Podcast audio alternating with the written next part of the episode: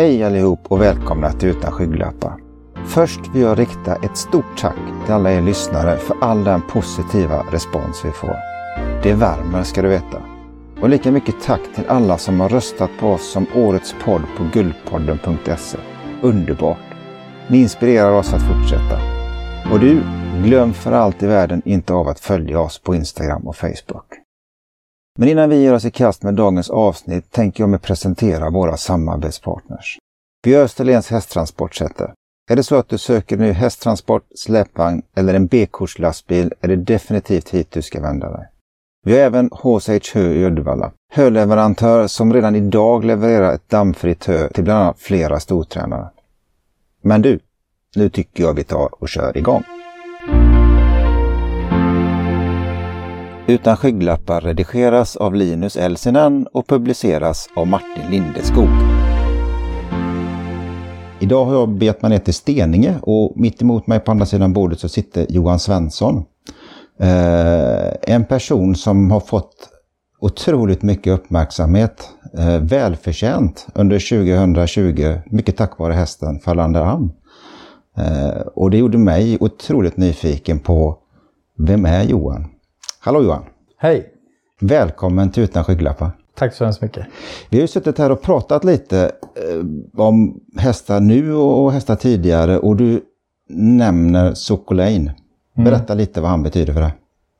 Uh, han betyder väl uh, väldigt mycket för mig. Uh, jag köpte han 2000, ska vi se här så inte ljuger, 12 tror jag det var. Ja. På auktion. I uppdrag då fick Stefan Persson, min dåvarande chef fick eh, uppdraget att köpa en auktion. Och eh, den dagen glömmer jag väl inte riktigt för eh, min dröm har alltid varit att få äga en egen häst någon gång ja. i livet och inte bara jobba hos andra och sköta andras hästar utan där fick jag chansen att, att köpa en egen häst och tog av mina sparpengar och köpte den här hästen och kom väl på ganska snabbt att det där har inte jag råd med. Så jag, jag eh, sålde ut eh, honom i andelar då till vänner och familj och bekanta. Och, ja.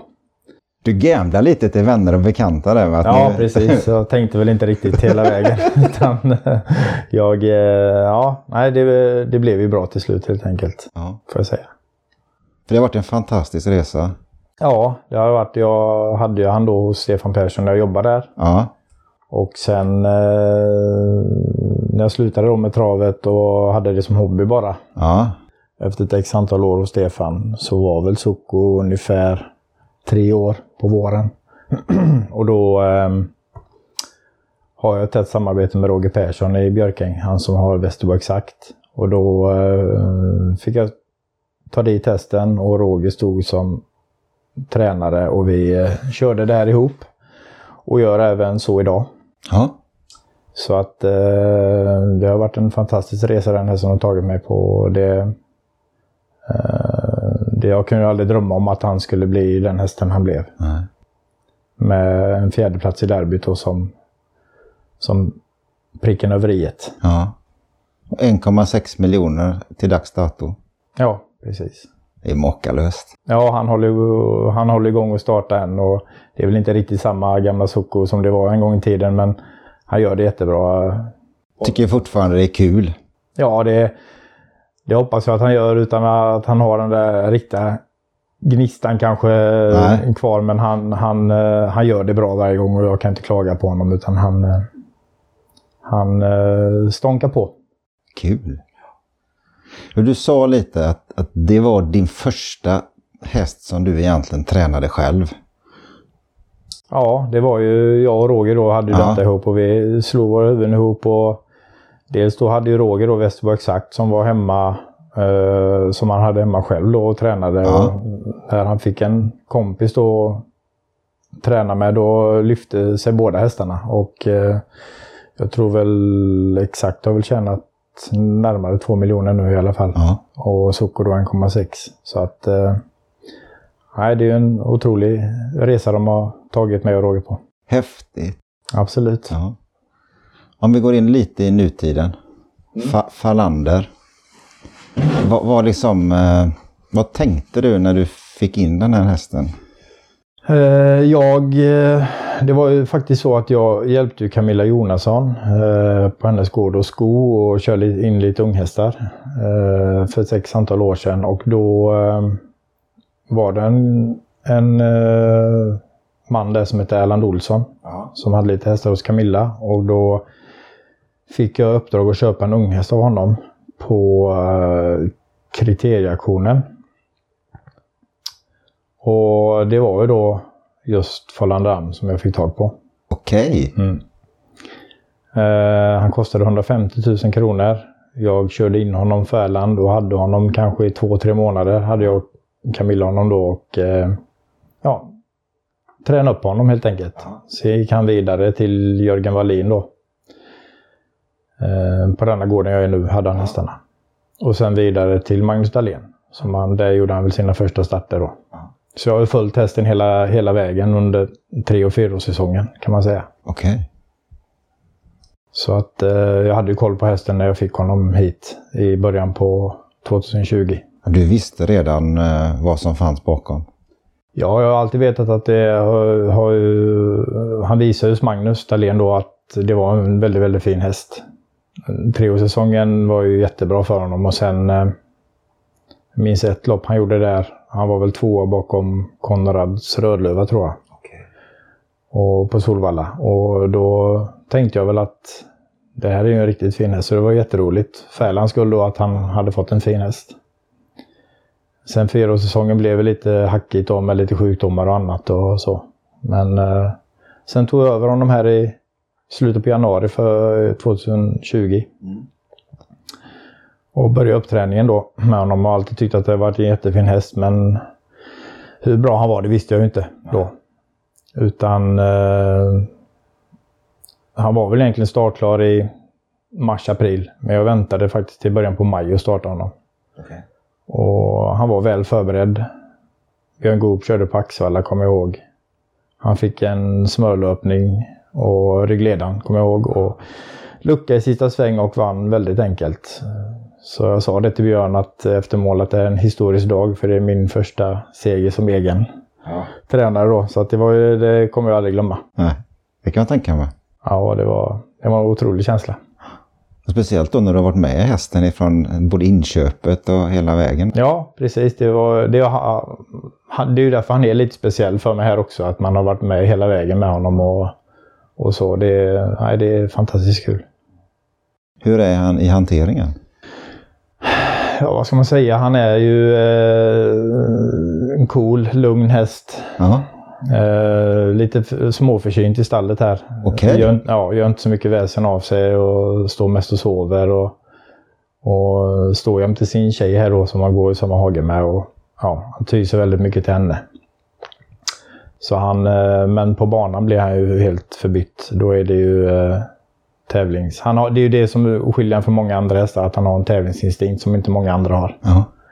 Och han lägger ju kraft och energi på det han ska göra. Så, att, eh...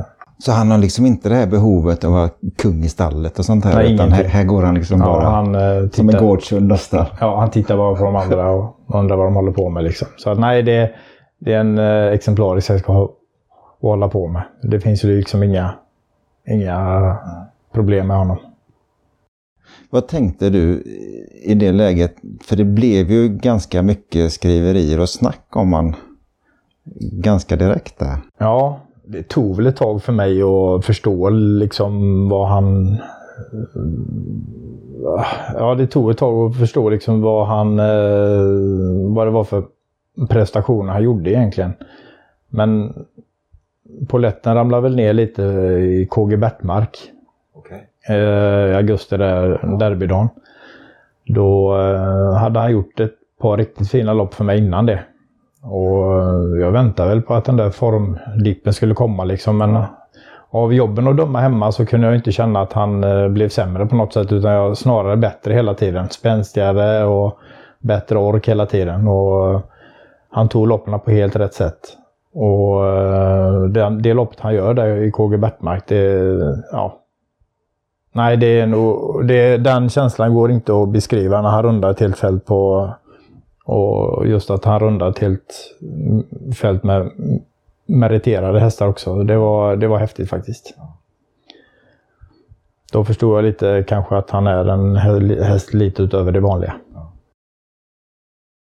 Fan vad häftigt. Ja, det, det, det är få förunnat. Jag önskar att alla människor får vara med om någon gång för det är en otrolig känsla. Det är ju eh, det, är det som gör, att man får liksom lite energi och, och hålla på med detta. För det tar mycket tid och mycket kraft av en att träna de här hästarna. Men det är ju det som gör jobbet värt det. Liksom att, eh, att eh, hästarna ger allt för oss och vi ger allt för dem. Att man får lite, lite kickback även på tävlingsbanan ja. ifrån det. Ja, precis. Och Inte det, bara det, stall. Nej, och det är, det är lite tävlingar man lever för. Sen jag har väl aldrig varit riktigt... Köra lopp är roligt, men det har jag väl inte prioriterat så liksom. Utan jag tycker det är lite roligare att träna sina egna hästar och följa utvecklingen på hästarna från ung ålder då upp till starthästar. Utan jag har väl aldrig varit... Jag tycker det är kul att köra lopp så, men jag har väl aldrig varit skulle aldrig vilja åka runt och köra en massa andra hästar utan det är träningsbiten jag brinner allra mest för. Det är mer närheten till individen? Ja, kunna utveckla dem. Det är ju det jag, jag eh, tycker är mest intressant. Träning om man säger som så, tränar du han som du upplever då till att vara en häst utöver det vanliga, något annorlunda gentemot dina andra hästar eller hur kör du? Nej, jag försöker individanpassa det lite eh, så. Men eh, generellt sett så går de ungefär lika träning allihopa. Vissa hästar får jag köra lite annorlunda med som inte klarar av eh, att köras på det sättet jag gör med de andra. Men eh, i stort sett så eh, tränar alla eh, snarlikt i alla fall. Gör det? Mm. Kul! Ja, det är, det, är, ja, det är häftigt det här året. För det, jag, I början av året tänkte jag liksom hur när, han bör, när mina hästar började starta här, jag hade väl en, två hästar som började starta innan Falande då och de kom ut och gjorde lite halvsläta figurer sådär så tänkte jag, tänk om det inte kommer bli en seger i det här stallet. Då får man ju kanske tänka på att göra någonting annat. Tänkte jag då men Sen har det väl släppt allt eftersom och när Falander börjar vinna lite lopp då har de andra hängt efter. Så att uh, alla utom en har väl vunnit lopp här i stallet nu.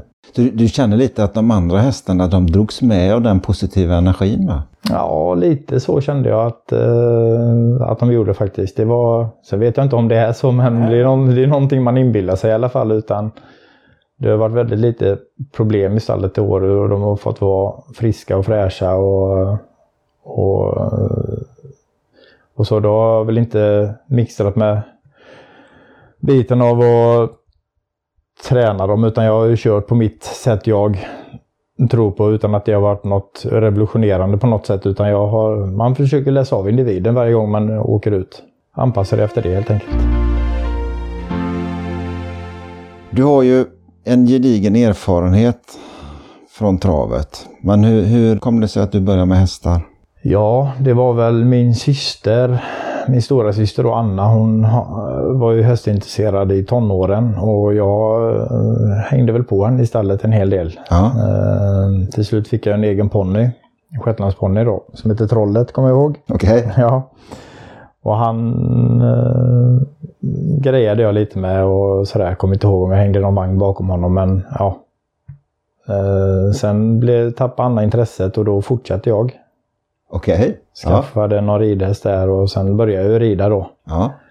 Men insåg väl ganska snabbt att det var inget för mig riktigt. Utan eh, Roger och Hans då i Björkäng, ja. de hade lite travhästar då som jag brukade titta över gärdsgården när de körde fort och tyckte det så otroligt häftigt ut. Alltså, så jag fick ju följa med dem på en tävling. Till Jägersro kommer jag ihåg, jag var nog inte äldre än 13-14 år kanske. Ja. Och sen den dagen jag fick följa med dem så var jag ju fast. Det var det? Ja. Sen var det, då visste jag vad jag ville göra.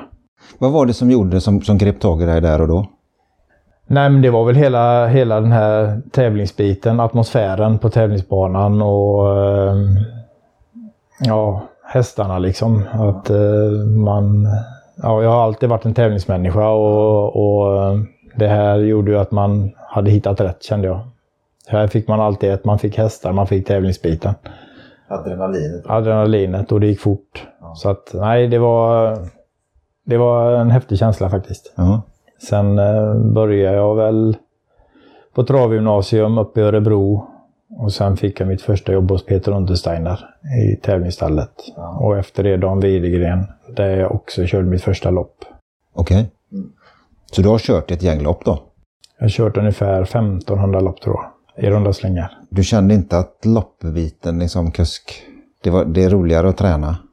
Jag tycker det är kul att köra lopp också, det är inte det. Men jag, eh, om jag får välja något av det så är det träningsbiten jag brinner mest för. Eh, Jag kör mina hästar i lopp jättegärna så.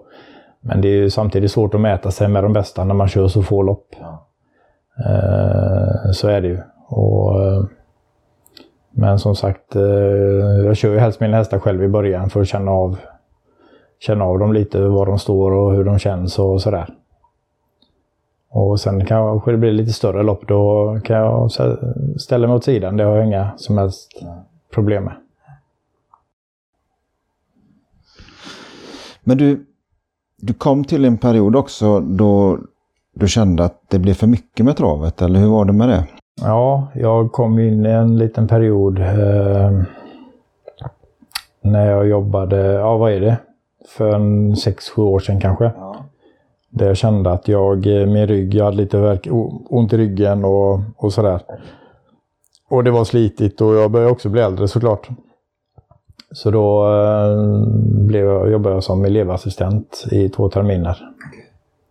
Eh, och hade Sokoro hos Roger vid sidan om. Och eh, fick upp intresset igen för travet och hästarna. Liksom. För jag kände att det var lite på nedgång ett tag. Och eh, Jag gillar kombinationen med att ha ett annat jobb vid sidan och hålla på med detta. För då... Ja. ja, som sagt miljöombytet gillar jag. Och få känna av och hur det är att jobba med människor då som jag gör nu. Då. Och eh, nej, det har varit eh, lärorikt faktiskt. Har det varit.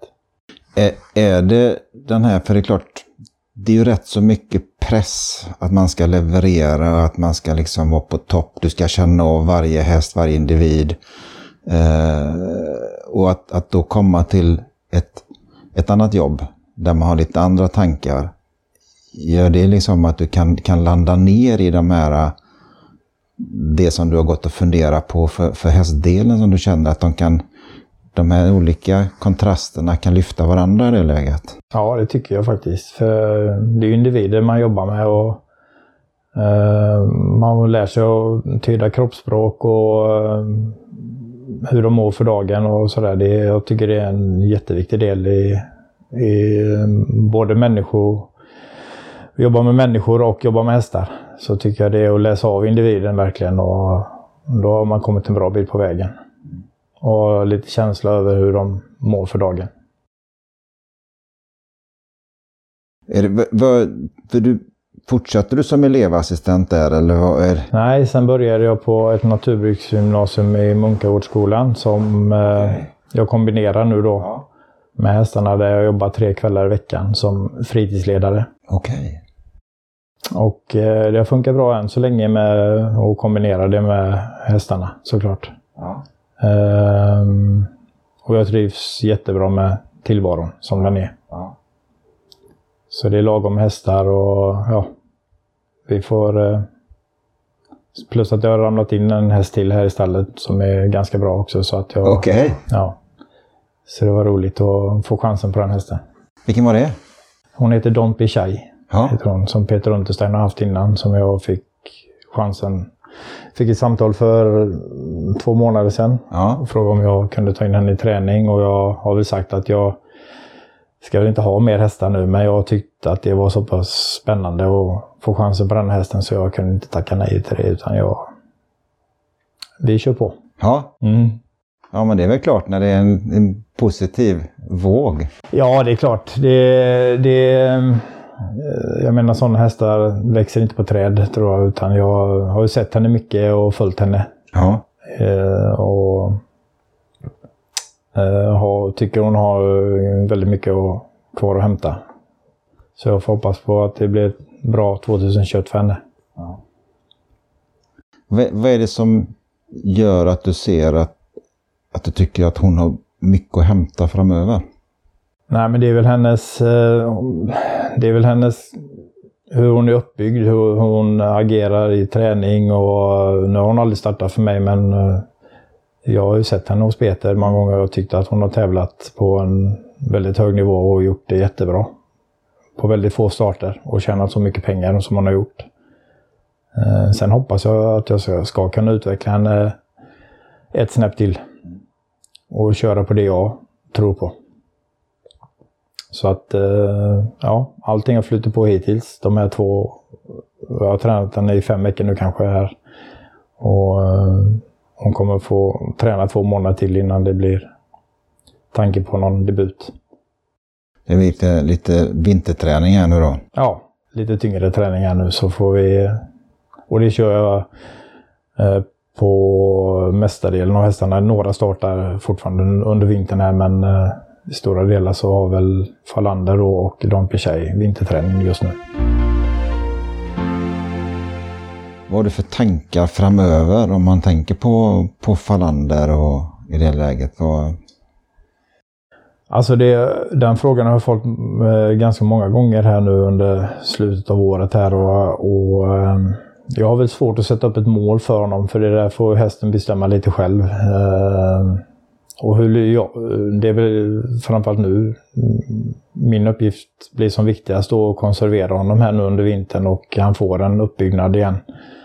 Och jag tror det är viktigt att de får den här pausen här emellan och att de får eh, bygga på lite mer muskler och, och för att ta sig ett, kanske ett snäpp till. Och han har gjort det bra som han har gjort det men för att kunna utvecklas ännu lite mer så måste jag nog ha den här lilla pausen med honom. Och bygga upp honom inför nästa år. Sen något generellt mål kanske jag inte har för honom så utan det är det som är så spännande med det här för man vet aldrig var, vart det landar någonstans.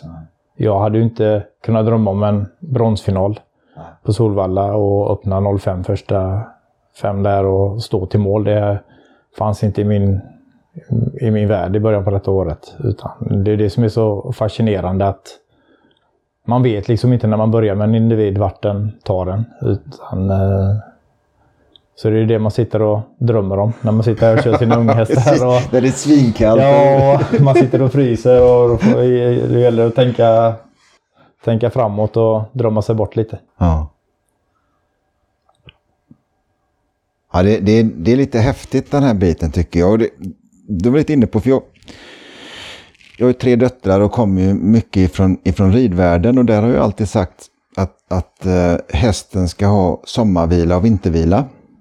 Inga långa perioder, men, men det jag har lärt mig så är det liksom att två veckor på sommaren och två veckor på vintern, då ställer man av hästen mer eller mindre. Just för att de ska landa in i den träningen som de har gjort under tidigare resor de har varit med om. Eh, och, och det blir lite det som den här vinterträningsperioden nu då blir ju lite samma sak fast på ett annat sätt. För att då, då, har de liksom inte, då är de mer stationära på gården, de gör det vardagliga den delen.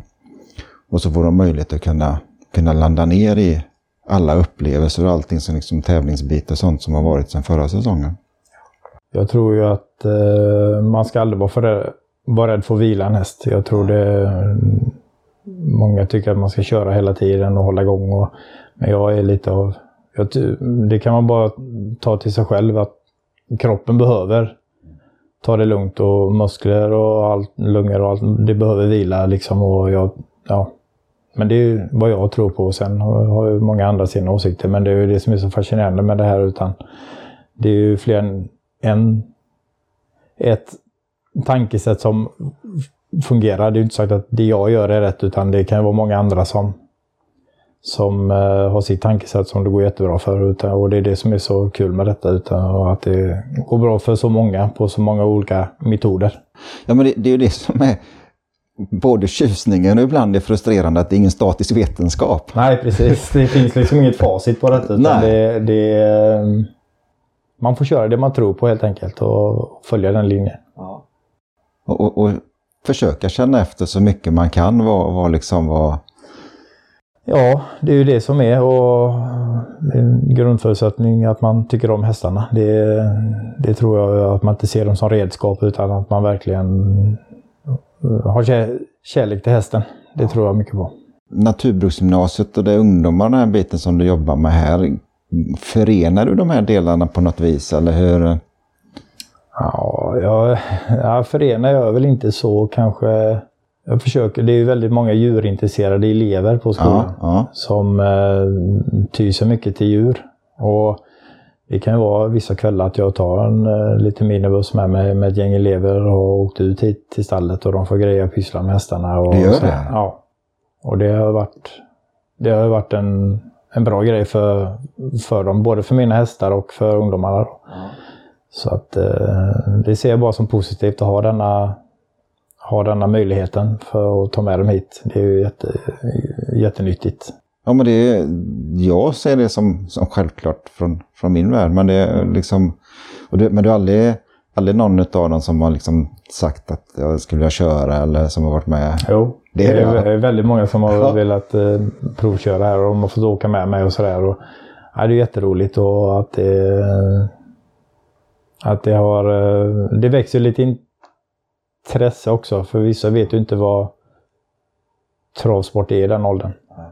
Utan att man kan få in lite intresse på det sättet. Jag har bland annat en tjej som är här och rider lite nu som går på Munkagård. Och, och hon är ju bara inriktad på, på uh, ridarsbiten. Men mitt mål är det väl att hon ska få lite intresse i att köra också. Ja.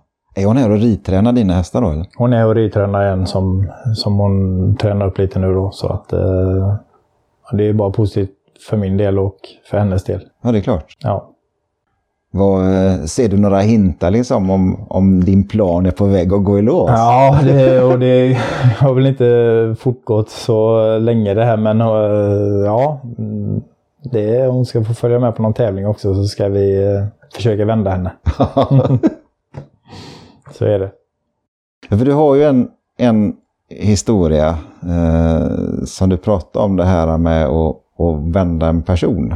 Ja, det har jag en eh, rätt så bra historia om det faktiskt. För jag började på Munkagårdsgymnasiet. Då blev jag kollega med en kille som heter Niklas Larsson. Ja.